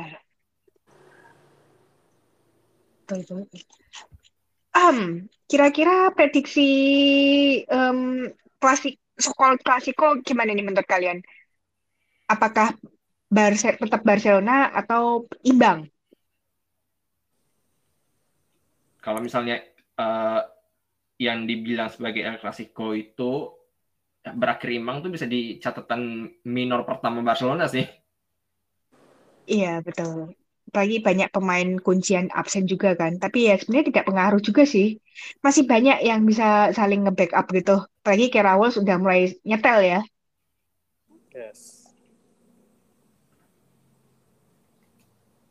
Kemudian hmm, Mas Ijal, um, klasiko gimana sih? Prediksi klasiko? Ya seperti yang aku bilang di awal ya, sebenarnya Barcelona lebih unggul segalanya gitu. Cuma dari Real Madrid gimana caranya paling nggak bisa ngimbangi permainan Barcelona lah ya dengan adanya Karel Nwer, kemudian Sandy Toletti, kemudian Freya Lofser di tengah gitu. Gimana cara ngimbangi Aitana pun mati ataupun Keravos atau Partigui harus sendiri di tengah gitu ya. Untuk uh, apa yang ngimbangin lini tengahnya lah paling nggak untuk dari Real Madrid untuk melawan Barcelona gitu. Cuma untuk secara keseluruhan ya sorry itu sih untuk Real Madrid meskipun sekarang transfernya udah bagus gitu ya. Barcelona masih lebih unggul satu level lah di di atas Real Madrid gitu. Cuma ya untuk Real Madrid sendiri untuk bisa nahan imbang Barcelona pun udah bagus banget gitu. Syukur-syukur bisa menang gitu ya. Cuma targetnya untuk imbang pun ya harus realistis lah dalam artian lo ngadapin Barcelona gitu kan. Uh, one of most apa ya tim yang terkuat salah satu di dunia sekarang gitu ya. Cuma ya balik lagi ini satu level di atas Real Madrid gitu ya Barcelona ya kalau aku sih bisa ngejagoin Barcelona untuk untuk untuk bisa menang untuk pertandingan besok. Ya, yeah, well, well, well. Uh, mungkin um, ya yeah, Barcelona masih bahkan lebih unggul, tapi meskipun ada beberapa pemain yang cedera, tetap aja tidak menghalangi Barcelona untuk dapat poin penuh ya. Itu sih oh. adjustmentnya. Oke, okay, um, sekarang kita beralih ke Manchester United versus Chelsea yang bakalan kick off pada Senin dini hari pukul 1.45 waktu Indonesia Barat. Um, jadi Manchester United ini masih belum terkalahkan dan belum satu pun kebobolan BTW. Um, dan akan menghadapi Chelsea di mana Chelsea udah kalah satu kali dari Liverpool pada pertandingan pekan pertama di mana um, day pertama kalah itu udah Chelsea banget sih. Ini start yang tidak baik di awal tuh pasti ada itu buat Chelsea. Um, menurut kalian gimana sih um, Manchester United versus Chelsea ini? Mungkin masih jauh dulu. Chelsea, Manchester United ya ini sebenarnya dalam artian gimana caranya MU sendiri ngejaga uh, konsistensi gitu ya, ngejaga perform ketika mereka tanpa kebobolan kemudian beberapa pertandingan juga menang-menang gitu kan kecuali di Conti Cup kemarin kalah adu penalti lawan kalah adu penalti ya cuma ya ya itu lupain lah masih ada pertandingan yang lain gitu kan fokus ke pertandingan lain cuma uh, lawan Chelsea sebenarnya ini sebenarnya yang yang jadi apa ya bukan batu sandungan sih big games buat buat buat uh, Manchester United. Ketika kemarin kan cuma lawan tim ece-ece ya, belum ketemu tim gede gitu. Ketika besok lawan Chelsea, gimana adjustment uh, pelatih Max Skinner ini ketika ngelatih tim lebih compact, tim yang lebih solid. Itu seperti apa sih adjustment taktiknya gitu? Apakah masih berjalan ataukah masih bolong-bolong ataukah masih ada beberapa something yang mungkin bisa dilupakan gitu ya pemain-pemainnya gitu? Cuma ya ini sebagai apa namanya uh, bukan batu sandungan dalam artian uh, tantangan buat, buat Max Skinner. Apakah adjustment taktiknya itu bakal berjalan ketika ketemu uh, tim yang lebih solid dalam artian big games ya. Jadi ini bakal jadi apa ya uh, ujian lah buat Max Skinner apakah dengan dia yang diolok-olok sejagat Manchester United ataupun ataupun di luar gitu ya dengan uh, perform MU sekarang dengan bagus-bagusnya apakah dia pantas gitu sebenarnya. Cuma ya Chelsea being Chelsea gitu maksudnya uh, tim dengan udah compact udah kelas dengan mentality yang oke okay, meskipun sekarang dengan peringkat uh, tiga kalau nggak salah dengan 15 poin meskipun Ika. agak terseok-seok di awal ya Chelsea punya mentality gitu ketika nanti di paruh musim kedua ya mereka bisa bakal bangkit kok dengan beberapa pemain yang sudah ada dan uh, apa namanya pemain-pemain kuatnya mereka gitu jadi uh, apa ya pertarungan yang cukup sengit sih untuk untuk pembuktian Max Skinner gitu ya sebagai pelatih Manchester United melawan tim dengan big games pertandingan besar apakah bisa mengatasi gitu uh, atmosfer pertandingan ini sebenarnya Iya benar-benar. Um, menurut Mas Vena gimana nih soal Manchester United lawan Chelsea? Gimana ya? Oke, apa itu sebelum aku ke situ, aku untuk mau untuk ngucapin sesuatu untuk para pendukung West Ham United turut prihatin atas sanksi lima laga atau lima pertandingan dari untuk Hawachi Soko atas keributan lawan Aston Villa. Sejujurnya agak disayangkan Sarah Mailing tidak dihukum ya. Padahal secara visual, apa, secara video ulangan yang sering kita lihat bersama-sama itu Sarah Mailing sebenarnya salah juga sih. Tapi kenapa dia tidak dihukum? Itu agak heran sih.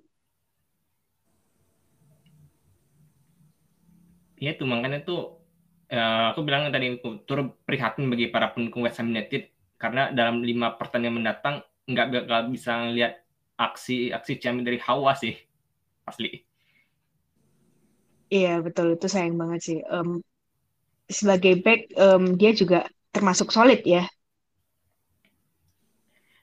Dan kembali ke MU lawan Chelsea, aku sedikit melenceng ya ke lihat dari klasmennya tuh dan benar-benar gak nyangka kalau musim depan tuh juara dan runner up dari WSL itu bukan lagi masuk ke fase grup dari Champions League, malah ke kualifikasi ronde kedua gitu.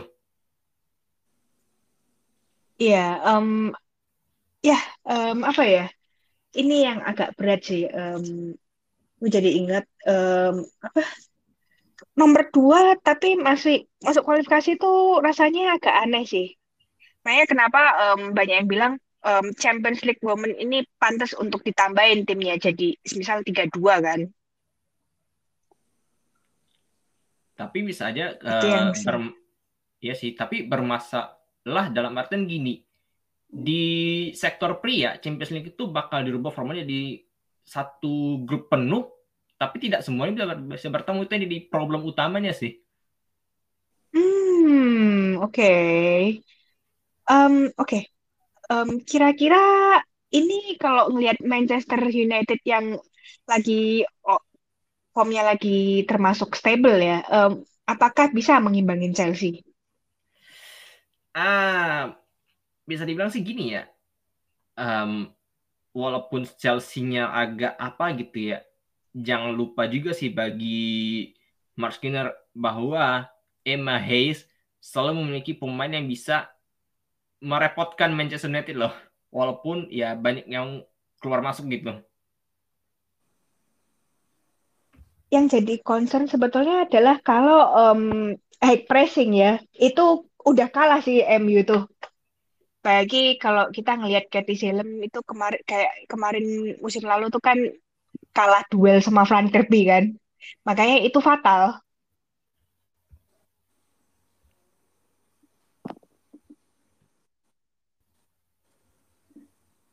Jadi sebenarnya nah, yang jadi masalah nah. di MU tuh um, high pressing itu. Mereka struggling. Belum lagi dengan apa namanya tuh kembali tajamnya Catherine Berger dalam menghalau setiap serangan bisa jadi masalah lain juga sih bagi Manchester United. Iya betul. Um, walaupun backnya masih agak shaky antara mau naruh Magda Eriksson sebagai center back ataupun Kadesa kanan, um, tapi ya tetap aja sih um, tidak bisa diremehkan gitu aja ya. Dan karena? Hmm. Karena kan um, problemnya Chelsea itu kan mereka bingung antara mau naruh Magda sebagai center back atau Kadesa Bukanan sih kalau gue lihat ya.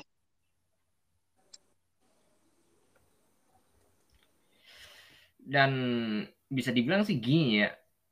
Eh bentar-bentar. Ini musim ini Risa, Vilde Boy Risa berapa kali turun di liga? Um, dia belum pernah starting sih sejujurnya.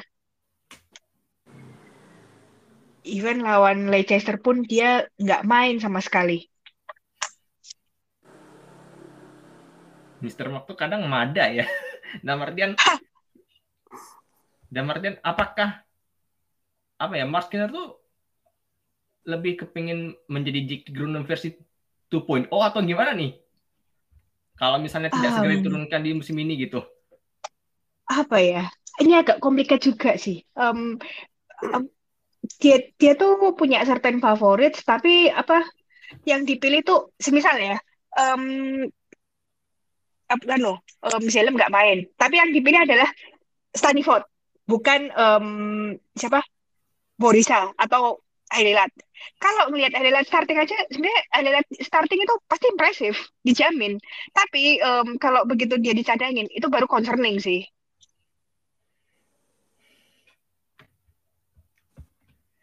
Ya tapi tapi kan bisa um, jadi ini sih, bisa jadi celah juga ya bagi Chelsea untuk ya paling tidak di musim ini tuh menciptakan imbang atau kekalahan pertama bagi Manchester United karena di klasmen setelah um, enam anggaplah enam pertandingan tuh bagi Chelsea, Everton, West Ham sama Leicester itu belum ada satupun tim yang menciptakan meraih hasil imbang. Betul. Menang kalah menang kalah menang kalah. Iya betul betul betul. Um, ya um, apa ya? Um, ya, we will see lah uh, Senin dini hari. Kalau menurut Mas Ijal gimana sih? Um, Matt Skinner tuh kan mungkin banyak orang yang bilang agak pelin-pelan dalam pemilihan lini tengah. Menurut Mas Ijal gimana nih?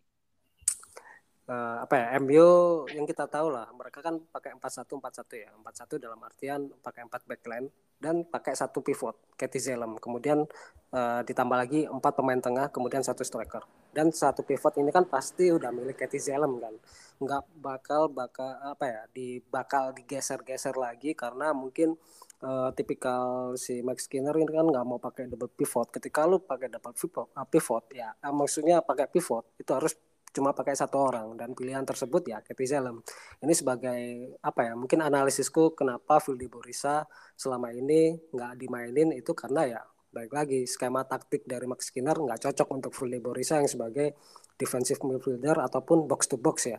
Dalam artian kalau ada pelatih Manchester United yang pakai double pivot, pasti Borisa bakal ditandemin sama Katie Zelem. Tapi Max Skinner nih bukan, bukan tipe seorang seperti itu.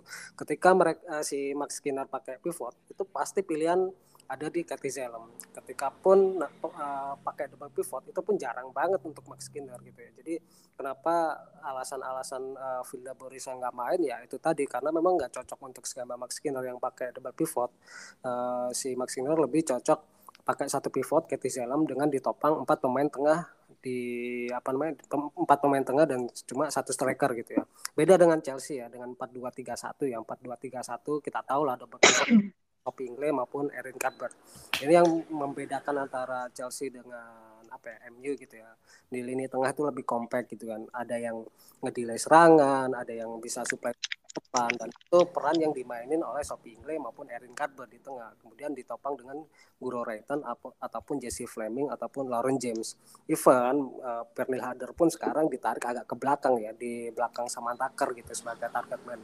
Jadi untuk MAE sendiri untuk pakai dua striker di depan pun kayaknya untuk musim ini lebih jarang dan lebih uh, memasang si Sam Kerr sama Taker untuk di lini depan gitu dengan di backup. Uh, di belakangnya itu ada Penil Harder dan juga Goro Reten ataupun nanti bisa ditemani oleh uh, Jesse Fleming ataupun Joanna Rating Kennery ataupun Lauren James. Di situ bisa bisa inilah bisa gantian cuma yang jadi permasalahan adalah ketika di MU pakai satu pivot. Ketika lu uh, main dengan lawan dengan high pressing itu bakal kesulitan gitu loh. Jadi dengan satu pivot pun pemain lawan dengan high pressing juga counter yang lebih cepat ya pivot lo bakal ke kesusahan dan banyak kewalahan. Dan itu diperanin oleh Katie yang kita tahu bahwa dengan faktor U ataupun dengan agresivitas yang dengan level tertentu Katie Zelem ini bukan bukan orang yang seperti itu gitu. Jadi uh, permasalahan MU itu adalah di situ ketika pemain lawan bermain high press dan juga counternya cepat.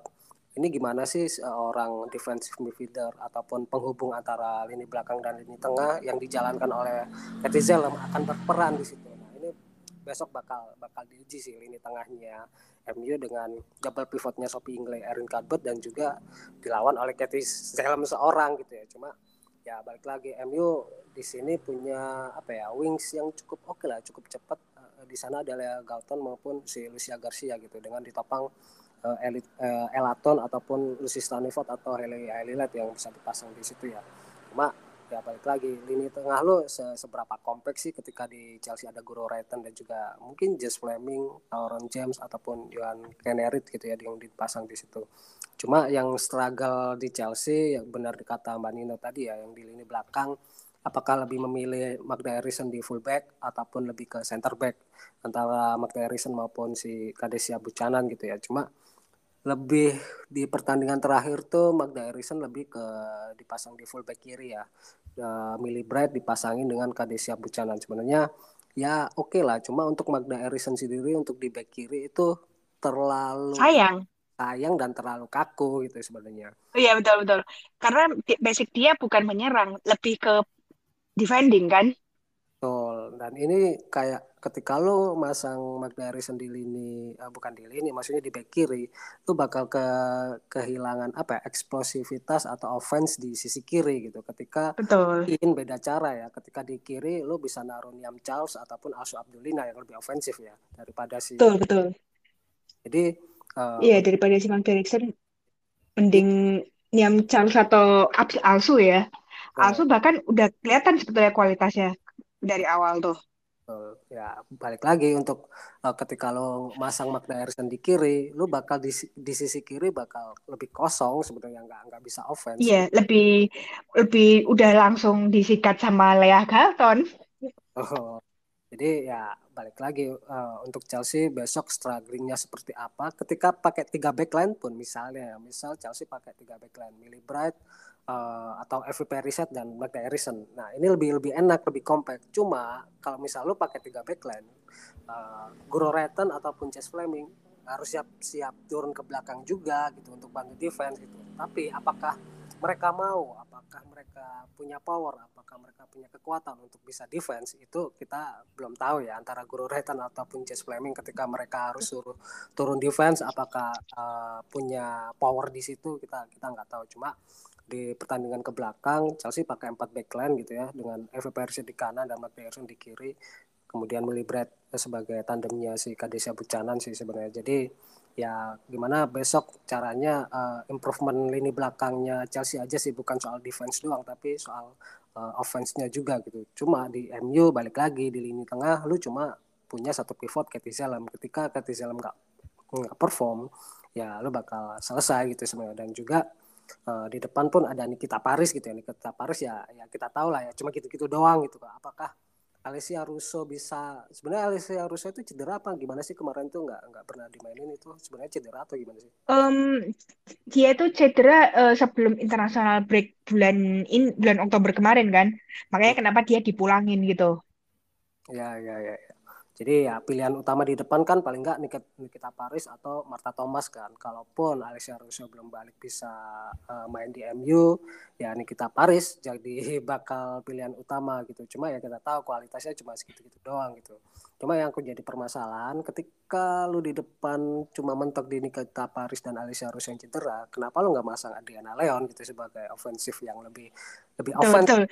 Nah, Nah, ini yang jadi masalah ke Matt Skinner ya. Um, kenapa lo ada Adriana Leon dan Vilde Borisa lo diemin? Itu agak aneh sih. Betul. Sejujurnya. Ya. Cuma yang sebenarnya jawaban Vilde Borisa yang yang udah aku kasih tahu tadi ya. Jadi nggak nggak cocok. Betul. Betul. Walaupun walaupun banyak yang bakalan sakit hati ya, tapi ya itulah begitulah gitu. Betul. Kecuali MU pakai double pivot gitu. Vilde Borisa bakal kepake dan kemudian MU pakai dua striker otomatis Adriana Adriana Leon pasti dapat tempat di situ. Cuma di sini MU pakai Katie Zelem dan juga striker cuma kita Paris atau Alicia Russo doang di depan gitu. Jadi ya balik lagi ke skema taktik permainan pelatihnya cocoknya seperti apa gitu cuma ya menurutku yeah. dua pemain berkualitas seperti Vilde Borisa dan Adriana Leon pun dengan kualitas seperti itu untuk disia-siakan ya sayang aja sebenarnya sangat sayang ya betul sekali um oke okay. um, mungkin sesi terakhir um, adalah ya drawing AFC Under 20 dan Under 17 yang sektor putri udah keluar ya untuk kualifikasinya. Jadi Indonesia untuk under 20 babak kualifikasinya nanti bakalan satu grup dengan Vietnam, India dan Singapura. Jadi uh, Vietnam bakal sebagai tuan rumah ya di sini ya. Um, mulainya pada 4 sampai 12 Maret 2023 gitu. Jadi um, kira-kira siapa nih yang bakal ke second round? Jadi kan yang dipilih juara grup aja ya? Iya juara grup itu kan uh, mengingat uh, apa namanya tuh jumlah negara yang ber yang bertanding di AFC U20 sama U70 itu cuma 8 tim sih kalau di babak finalnya tuh. Nah, bagi yang belum tahu oh. tuh tuan rumahnya itu AFC U20 itu ada di Uzbekistan, sedangkan uh. yang di U17 itu di sini Indonesia. Oh, oh iya di Indonesia betul betul betul. Oke, okay. Um, kemudian kalau in Indonesia sendiri untuk kualifikasinya bakalan berada di grup A ya untuk under 17. Um, jadi ada Thailand apa jadi satu grup dengan Thailand, Thailand sebagai tuan rumah nanti untuk babak kualifikasi grup A. Um, jadi ada juga Malaysia dan Northern Mariana Island. Itu di mana sih Northern Mariana Island tuh? Antara Filipina dan mana? Hawaii ya? Betul nggak sih? Dekat-dekat Hawaii sih Hawaii oh ya. oke okay. In, ini anggota baru AFC bukan mm anggota terbaru lah setelah Guam oke okay. oke okay. um, jadi kualifikasi untuk under 17 ini um, 22 sampai 30 April 2023 ya um, jadi tuan rumah AFC under 17 itu di Indonesia gitu um, uh, ya ralat, memang berat. Ralat sedikit kalau Indonesia itu yang U17 tuh tuan rumah untuk final turnamen gitu? Iya betul. Untuk putaran final. Betul. Kalau kualifikasi kan di Thailand tuh. Mm. ya um, berat sih. Uh, untuk keduanya baik di under 20 maupun 17 tapi ya mau gimana lagi ya? Menurut Mas Ijal ini berat nggak berat banget ya Berat banget sih. Uh, kalau yang di U20 itu kita sebagai tuan rumah kan ya? Vietnam, Vietnam. Um, Vietnam, Vietnam. Kalau kualifikasinya kalau untuk final turnamen itu di Uzbekistan. Oh, Uzbekistan ya, ya oke. Okay. Ya bakal bakal susah sih ketika Vietnam, Singapura, kemudian India ya. Terus yang diambil yeah. kita uh, juara grup. Satu. Ya ya kita sebenarnya bukan underestimate atau nggak terlalu ekspektasi besar kepada timnas kita ya. Bukan kita nggak mendukung cuma kita realistis aja gitu ketika lawan lo Vietnam India. India kemarin uh, di Piala Dunia U17 uh, eh, itu pun ya lumayan oke okay lah meskipun ancur-ancuran gitu ya. Cuma U17 untuk masuk ke 20 kan banyak pemain dari U17 nih yang bakal dipanggil ke tim U20-nya India gitu. Jadi kemarin India cukup apa ya banyak pelajaran lah pemain-pemainnya dengan uh, tergabung dengan beberapa negara-negara ya di 2019 kemudian beberapa pemainnya mungkin sebagian besar dimasukin ke 10 dan mereka punya dapat experience di World Cup U17 gitu.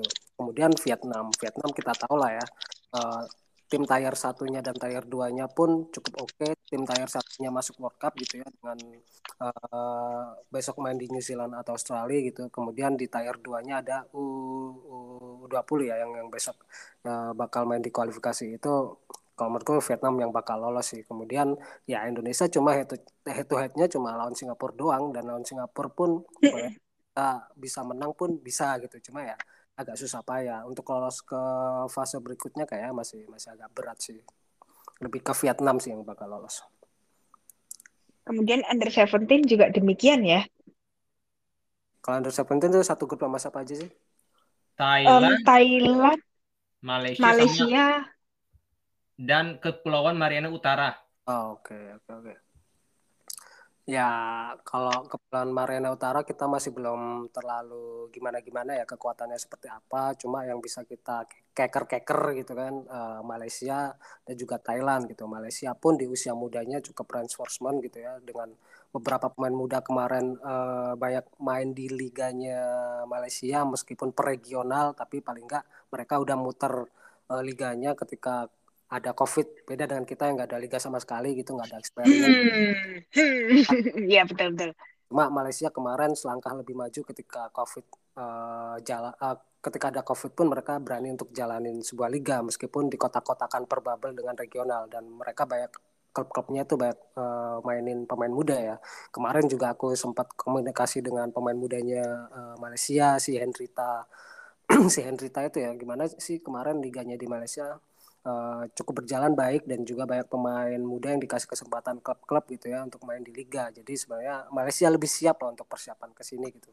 Kemudian Thailand, Thailand ya kita udah tahu lah levelnya Thailand seperti apa gitu ya. Top tiernya pun bisa bersaing di World Cup kualifikasi gitu kan. Terus di tier 2-nya pun pemain mudanya juga cukup cukup oke okay, gitu. Kemarin di Palembang dengan timnas U berapa U17 kalau nggak salah ya. Itu kan yang bakal jadi transisi. Ya, U17 uh, transisi pemain-pemain ini untuk masuk ke uh, kualifikasi gitu kan. Kemudian uh, di Thailand sendiri pun jangan lupa ada Cataya Pratungkul di situ ya pemain kapten dan juga sekaligus strikernya cukup berbahaya dan cukup kemarin banyak komunikasi sih aku uh, di sama si Cataya Pratungkul gitu ya ketika gimana sih Liga Thailand ya Thailand untuk top tiernya jalan, Covid pun tetap jalan dan Liga Divisi 2-nya pun tetap jalan dan banyak pemain muda yang banyak dikasih kesempatan gitu ya. Untuk top top tier maupun second tier-nya pun kebanyakan diambil dari tim-tim college ya, uh, tim-tim fakultas. Mm -hmm. Jadi tim-tim fakultas pun banyak uh, mainin uh, pemain muda. Beda dengan kita ya. Entah itu top tier mm -hmm. atau division pun jangankan main gitu liga aja nggak ada gitu. Jadi untuk yeah. saing di situ sebenarnya agak agak agak berat. Jadi, untuk pengalaman pemain-pemain kita ya cukup diapresiasi lah. Mereka punya pengalaman internasional meskipun nggak ada liga. Jadi ya buatku buat besok untuk eh, kualifikasi ini buat pembelajaran sih untuk uh, bermain di level internasional. Oke, okay. well, ada hampir dua jam kita ini um, dari jam 10 sampai tengah malam. Oke, okay. um, mungkin untuk minggu depan kita bakal ngebahas soal aturan baru Euro apa Nations League yang baru banget keluar. Oke, okay, kalian bisa komentar um, apakah kalian senang dengan format baru ini? Um, apalagi kan um, Nations League kan ya mirip-mirip dengan yang lah yang cowok ya, yang di cewek itu untuk determinasi kualifikasi Piala Eropa, kualifikasi Piala Dunia dan habis itu kualifikasi Olimpiade tambahannya untuk perempuan tuh. Oke, okay, um, kalian bisa ya, komen langsung. Oke, okay. jangan lupa komen juga di aplikasi Noise karena podcast ini sudah ada di Noise. Yo iya. ya. Oke, okay. um, sekian dulu untuk episode 56 gue bersama Mas Vena dan Mas Ijal cabut dulu dari um, studio virtual kita. Sampai jumpa semuanya. Bye-bye. Bye-bye.